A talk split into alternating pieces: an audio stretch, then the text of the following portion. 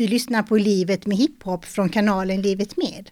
Av och med mig, Hanna Doxon, journalist. Genom tre olika generationers ögon ska den här podden handla om hur hiphop kom in i deras liv. Men också om utanförskap, engagemang och livet som ligger till grund bakom texterna. Podden som består av 13 avsnitt kan betraktas som ett tidsdokument över hur tiden har förändrats både i samhället och i synen på psykisk hälsa. Men pekar också på likheter som består idag. Den röda tråden är att alla har sitt förhållande till den legendariska Malmögruppen Advance Patrol, eller AP som man säger i folkmun. 2023 är speciellt för Advance Patrol eftersom gruppens album Utskrivna firar 20-årsjubileum. Ett album som satte Malmö på hiphopkartan i Sverige. Skapandeprocessen filmades och blev dokumentärfilmen Gå loss av Magnus Garten och Erik Bäfving och spelades in på Lindängen i Malmö 2002. Filmen betraktas av många som ikonisk, men i dagens ljus ska det visa sig att den också satte spår och fick allvarliga konsekvenser. Från Advance Patrol medverkar Rodde, som också är först ut i den här podden. I media har han hittills valt att hålla en låg profil med undantag för ett utspel mot en annan hiphopgrupp, Back in the Days. Men i den här podden tar han för första gången bladet från munnen och öppnar i fem delar personligt upp sig om vad som gjorde Rodde till den han är idag och hur han har förändrats över tid. Första Rodde var ju Rodrigo. Den är ju fötts. Jag föddes ju i Chile 1980 under eh, diktaturen. Morsan eh, hon fyller 18. Fyller 18 samma år. Traditionell arbetarklassfamilj så bodde samma gata. Morsan och farsan bodde samma gata. Vad jag har hört, the story goes. Min morfar tar min morsa upp för gatan plingar på dörren, berättar till min farfar. Du vet, de här två. De är gifta. Ingen snack om saker, så de gifte sig. Sen så hamnade vi i Sverige som eh, politiska flyktingar 83. Jag är tre år gammal. Jag tror mina första konkreta minnen är från eh, Sverige, när jag är typ fyra, fem kanske, något sånt. Jag vet inte riktigt men det är mina första tidiga minnen i, i Sverige. Jag minns historierna, hur, hur, vi, hur vi kom till, när vi kom till Sverige. Eh, vi kommer till, till flygplatsen, vi landar. Vi hamnar aldrig i flyktingläger. Vi har redan, min mormor bor redan i Sverige. Hon bor redan i Rosengård. Så vi hamnar direkt i Rosengård. Men vi får stämpeln godkänt för att farsan berättar alltid att eh, tydligen så kryper jag under bordet under när de står och pratar och står och pekar på polisen med så låtsasgevär. Och jag är tre år gammal och polisen blir helt så oh shit den här ungen du vet. Nej ni måste, ni ska stanna här. Detta är en annan Sverige, detta är 1983. Detta är Olof Palmes Sverige. En helt annan Sverige än vad det är idag. Vi hade tur att vi fick komma hit. Så Ung Rodde växer upp i Rosengård. 83 så är Rosengård framförallt chilenare. Men eh, mycket bolivianare, argentinare, uruguayare, eh, peruanare, colombianare, you name it. Det är som ett litet Sydamerika tillsammans med araberna, på den tiden jugoslaverna. För det var innan Balkankriget. Mycket romer. Men eh, huvudsakligen jag minns att det var majoriteten var chilenare och latinamerikaner. Min klass var mer än hälften latinamerikaner, spansktalande. Vi hade en eh, hjälplärare, Carlos. Så att, och jag gick i spansktalande förskola, La Cantuta. Så att jag pratar spanska och väldigt begränsat svenska fram tills jag är tio år gammal. Och vi flyttar från Rosengård. Och väldigt latinamerikansk. Så att det är roligt ibland när folk säger ja men du, du har bott här sedan du är tre så du är svensk. Bara yes jag är svensk för att jag har bott här sedan jag är tre. Men jag kanske inte Emil i Lönneberga svensk. Så det är den, den unga. Sen så flyttar vi till Fjusie till Söderkulla. Då är jag tio år gammal. Det skiljer sig stort. Det skiljer sig stort. Och emellan 1990 åker vi tillbaka till Chile första gången. Då är jag tio år gammal. Så då åker vi tillbaka första gången. Det var lite en eye-opener för mig för att vi var där i tre månader. Det var roligt, det var familjärt och vi reste runt Chile och allting. Men samtidigt kommer jag ihåg att eh, mina föräldrar påpekade hela tiden, du vet. Kolla, du vet, titta. Titta hur folk bor, titta hur de har det. Och vad ser du då? Då, då säger jag fattigdom, eh, gatubarn. Shit, jag kommer bara gråta. För jag, jag minns, jag ser gatubarn för första gången. Det är känsligt för min farsa höll på att dö för, för några år sedan. Jag och farsan har haft en väldigt eh, jobbig förhållande. Men jag, jag minns alltid han sa till mig, du vet, var tacksam, uppskatta. han såg nog redan då tidiga tecken på, jag minns tidiga teckningar jag hade från ettan, tvåan. Redan då var det graffiti, redan då var det den här gatukulturen var redan småinfluerande. Du vet, det var inte gangster men det var åt, åt det hållet. Du vet. Jag tror han såg det, han märkte det. Jag tror våra föräldrar märkte det. Så Jag tror det är därför de tog oss till Chile, de visade oss klassamhället, de ville visa oss, kolla, kolla vad de har, kolla vad du har. Var lite mer tacksam. nu. Så det var en eye-opener för att eh, det tog jag med mig genom livet. Att eh, alltid vara tacksam på, för vad man har. Att eh, det kunde varit värre. Vet. Med tiden så fick man lära sig uppoffringarna som föräldrarna gjorde för att komma hit. Vad de lämnade bakom sig. För att jag såg inte bara fattigdom, jag såg också landet, kulturen. Vad är Latinamerika för dig? Uh, Latinamerika, det är komplicerat. Det är... Jag älskar det, det är ju mitt folk. Det är ju den jag är.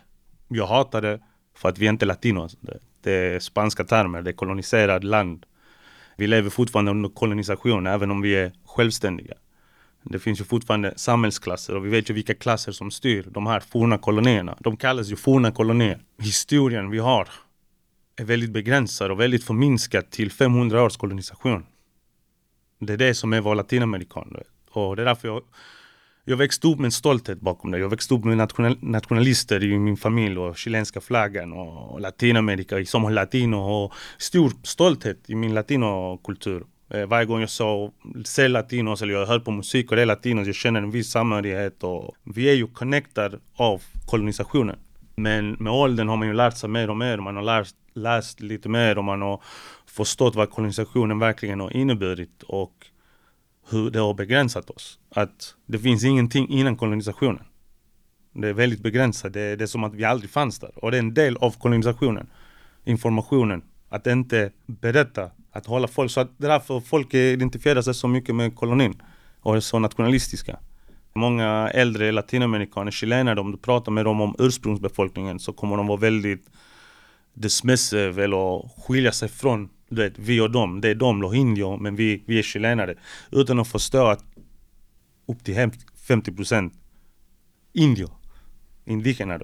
Men det förstår man inte och det är inte bara i Chile, det förstår man inte i Peru, det förstår man inte heller i Mexiko. Så det finns rasism sinsemellan? Oh, det finns mycket rasism. Det är ju en koloniserad mark. Det är ju, alltså, det, lat, latino är ju ingen etnicitet eller ras. Latino är ju en kulturell arv. Så att du kan vara vit och vara latino. Du kan vara svart och vara latino. Du kan vara mestizo och vara latino. För att det finns ju kubaner som är latino, som är afrokubaner. Det finns afrochilener, det finns afro-latinos. Det sorgligt nog så kom ju 80% av den förslavade befolkningen från Afrika till Brasil. Och där spreds de till kolonierna. Så det finns, och de är latinos. De är uppväxta i kolonin. De har den koloniala kulturen, den koloniala språket, den koloniala arvet lika mycket som vi har det. Och Baggio, Baggio sa som vi har det. det. Där ser du den här mentala separation som man har. Man säger afrokubano, man säger mestizo, man säger criollo. Det är jättesorgligt, alltså, alltså man inte bara ser människor liksom. Exakt, och det är ju en sorglig historia. Det finns ju en klassamhälle, alltså mestizo eller mestizaje, det är ju vi. Hälften spanjor, hälften indian. Och mestizo kommer ju från samma ursprung som mulatt. Så det, det, är ju det konceptet, det är ju det tankesättet. Det finns en, en historisk koncept bakom ordet indigenous och native. Det är ju oftast plantor som är indigenous och native. Och det, det tillhör ju kolonisationsprocessen, för den, när du avhumaniserar människor så är det ju lättare att ta land, ta över och civilisera, berika och så vidare. Men det jag tänker på då, det, alltså, det är ju liksom ganska tydligt när, man sen, när ni, ni sen blir en dokumentärfilm, du och Ape, att det finns ett engagemang i er alla tre. Era texter och er musik, föds det i tidig ålder i det du just beskriver? Absolut, för att vi, vi var ju små kids, växte upp i och allting, men vi är ju politiska flyktingar. Vi kommer ju från eh, Chile, vi kommer ju från diktaturen. Den kulturella delen av chilenare på 80-talet var stort, och man var en del av det. Och mycket kommer ju från den politiska kampen. Och Sverige såg ju annorlunda ut, det var en socialistisk Sverige. Om vi fortsätter där, du flyttar alltså till Fosie sa du va? Till Fosie, Söderkulla, 1990 efter vi åker till Chile och ögonen öppnas upp och jag fattar lite, okej okay, det finns en värld lite större utanför Rammelsverk som jag växte upp då. Och då kommer vi till Fosie, Söderkulla. Och det var ju lite för att vid den här tiden min syster ska börja första klass. Mina föräldrar fattade lite, okej, okay, Ramelsväg, eh, Rosengård. Jag gick i Örtagårdsskolan, hon skulle börja Rosengårdsskolan. De förstod väl att det kanske inte är den bästa eh, skolan för, för henne. De kanske ville bryta. De kanske såg lite trender på äldre syskonen och ville bryta det. Så vi åker till Söderkulla, jag börjar Söderkullaskolan, femte, sjätte klass. Femte klass började jag. Det var annorlunda. Jag minns, jag minns första dagen. Det var jag och en annan flykting. Vi är de två nya i klassen. Alltså även om vi har spenderat vad är det nu, 1990, 91 och har jag bott i Sverige 7, 8 år. Kan ingen svenska, alltså den är väldigt, väldigt begränsad. Alltså man måste ju tänka sig, detta är Sverige 1990. Söderkulla, den här klassen är för mestadels svenskar. Eh, det finns en stor grupp eh, jugoslaver, men de här jugoslaverna skiljer sig från de juggarna jag kände i Rosengård. För att de här är barn till juggarna som kom på 60-70-talet. Den här första invandrarvågen med arbetarklassen från Balkan, Grekland och, och så vidare. Pizzabagarna de som införde pizzakulturen till, till Sverige. Deras barn går i den här klassen. Och deras föräldrar kom ju hit när de var barn själva. Många, många av dem. Så att de är svenskar på ett annat sätt. De pratar, alltså de är redan så integrerade i svenska samhället. De är fortfarande juggar och kan sitt språk och har kulturen och så vidare. Men de är väldigt integrerade i samhället till skillnad från vad jag var van vid i Rosengård. Det var, det var mycket bråk, mycket slagsmål, det var mycket... Eh, mobbing heter det väl idag. De var på mig som fan. Men jag, jag lärde känna vänner också. Det var inte bara, du vet så jag Jag blev integrerad när jag kom till den klassen. För jag lärde mig bättre svenska. Fick en inblick i svensk kultur. Du vet. Jag brukar alltid säga, som jag sa innan, du vet, jag är inte Emily Lönneberga svensk. Jag har aldrig sett de filmerna. Du vet, jag, jag kommer ju inte från den kulturen, men jag förstod det när jag började i Söderkulla. Att detta här är, är man uppväxt i Sverige, om man är en barndom i Sverige, så är det Emily Lönneberga. Det är eh, Ronja Rövardotter och ja, yeah, I don't even know. Jag är med Chavo El Ocho. Vi ska ju prata lite om samtiden då också och jag är fem år yngre än dig Rodde och jag minns när jag gick i skolan så var det en ganska utpräglad rasism bland personalen i skolan. Jag känner ibland, sjukt nog, jag känner ibland att jag är blessed att jag är uppväxt i mångkulturella blattedelarna av Malmö för att det fanns en rasism, vi såg det, vi kände av den. Det fanns också en rasism mellan oss. Och det var inte rasism så att du vet, vi hatade varandra. Det var mer kanske, vi påpekar man de här olika sakerna som man ansåg var fucked up med ens land. I ett skämtsamt sätt, men det fanns en viss underton av, nej du är, men jag tänkte på just att det var vuxna som inte kunde bete sig där jag kom ifrån. Alltså mattanter som stod och sa fruktansvärda saker till alltså barn. Ja, Känner du igen den mentaliteten från när du gick i skolan då? Jag vet att i högstadiet så hade vi en kafeteriatant. Idag hade hon väl klassat som öppet rasist. Du vet, kan jag få en negerboll? Kan jag få en abdi med, med mjäll? Det var en väldigt populär eh, fras som eh, äldre svenskar kunde säga. Så absolut, rasism och rasistiska termer och tankesätt och fördomar och jag kommer ihåg Ching Chong var ju väldigt populär. Vi, vi hade en asiatisk tjej i vår klass. Och det var väldigt populärt av andra kidsen och eh, till och med lärarna kunde skratta. Lärarna kanske inte sa det men de skrattade med. Men hur påverkar det dig, alltså just att höra det från vuxna? Det är en sak mellan er barn, det är en annan ja, jargong. Men när vuxna människor, äldre på gatan eller ja. på busshållplatsen, vad fan som helst, nu säger det, det Men alltså vad händer då med ett barn när man får höra det? Det bara bekräftar vad man redan kände. Ett synligt utanförskap, där är de. Det är de. Det är vi här normala och där är de. Kackerlackorna, de blattarna. Spaggarna, whatever, du vet så. Nu låter det väldigt hårt när vi säger det idag, för det, så pratar man inte idag, men ja, det var hårt. Ja. Alltså det var inget ja, man ja, sop under mattan. Ni små indianer ska vara tacksamma för hittan, datan och det tredje, du vet.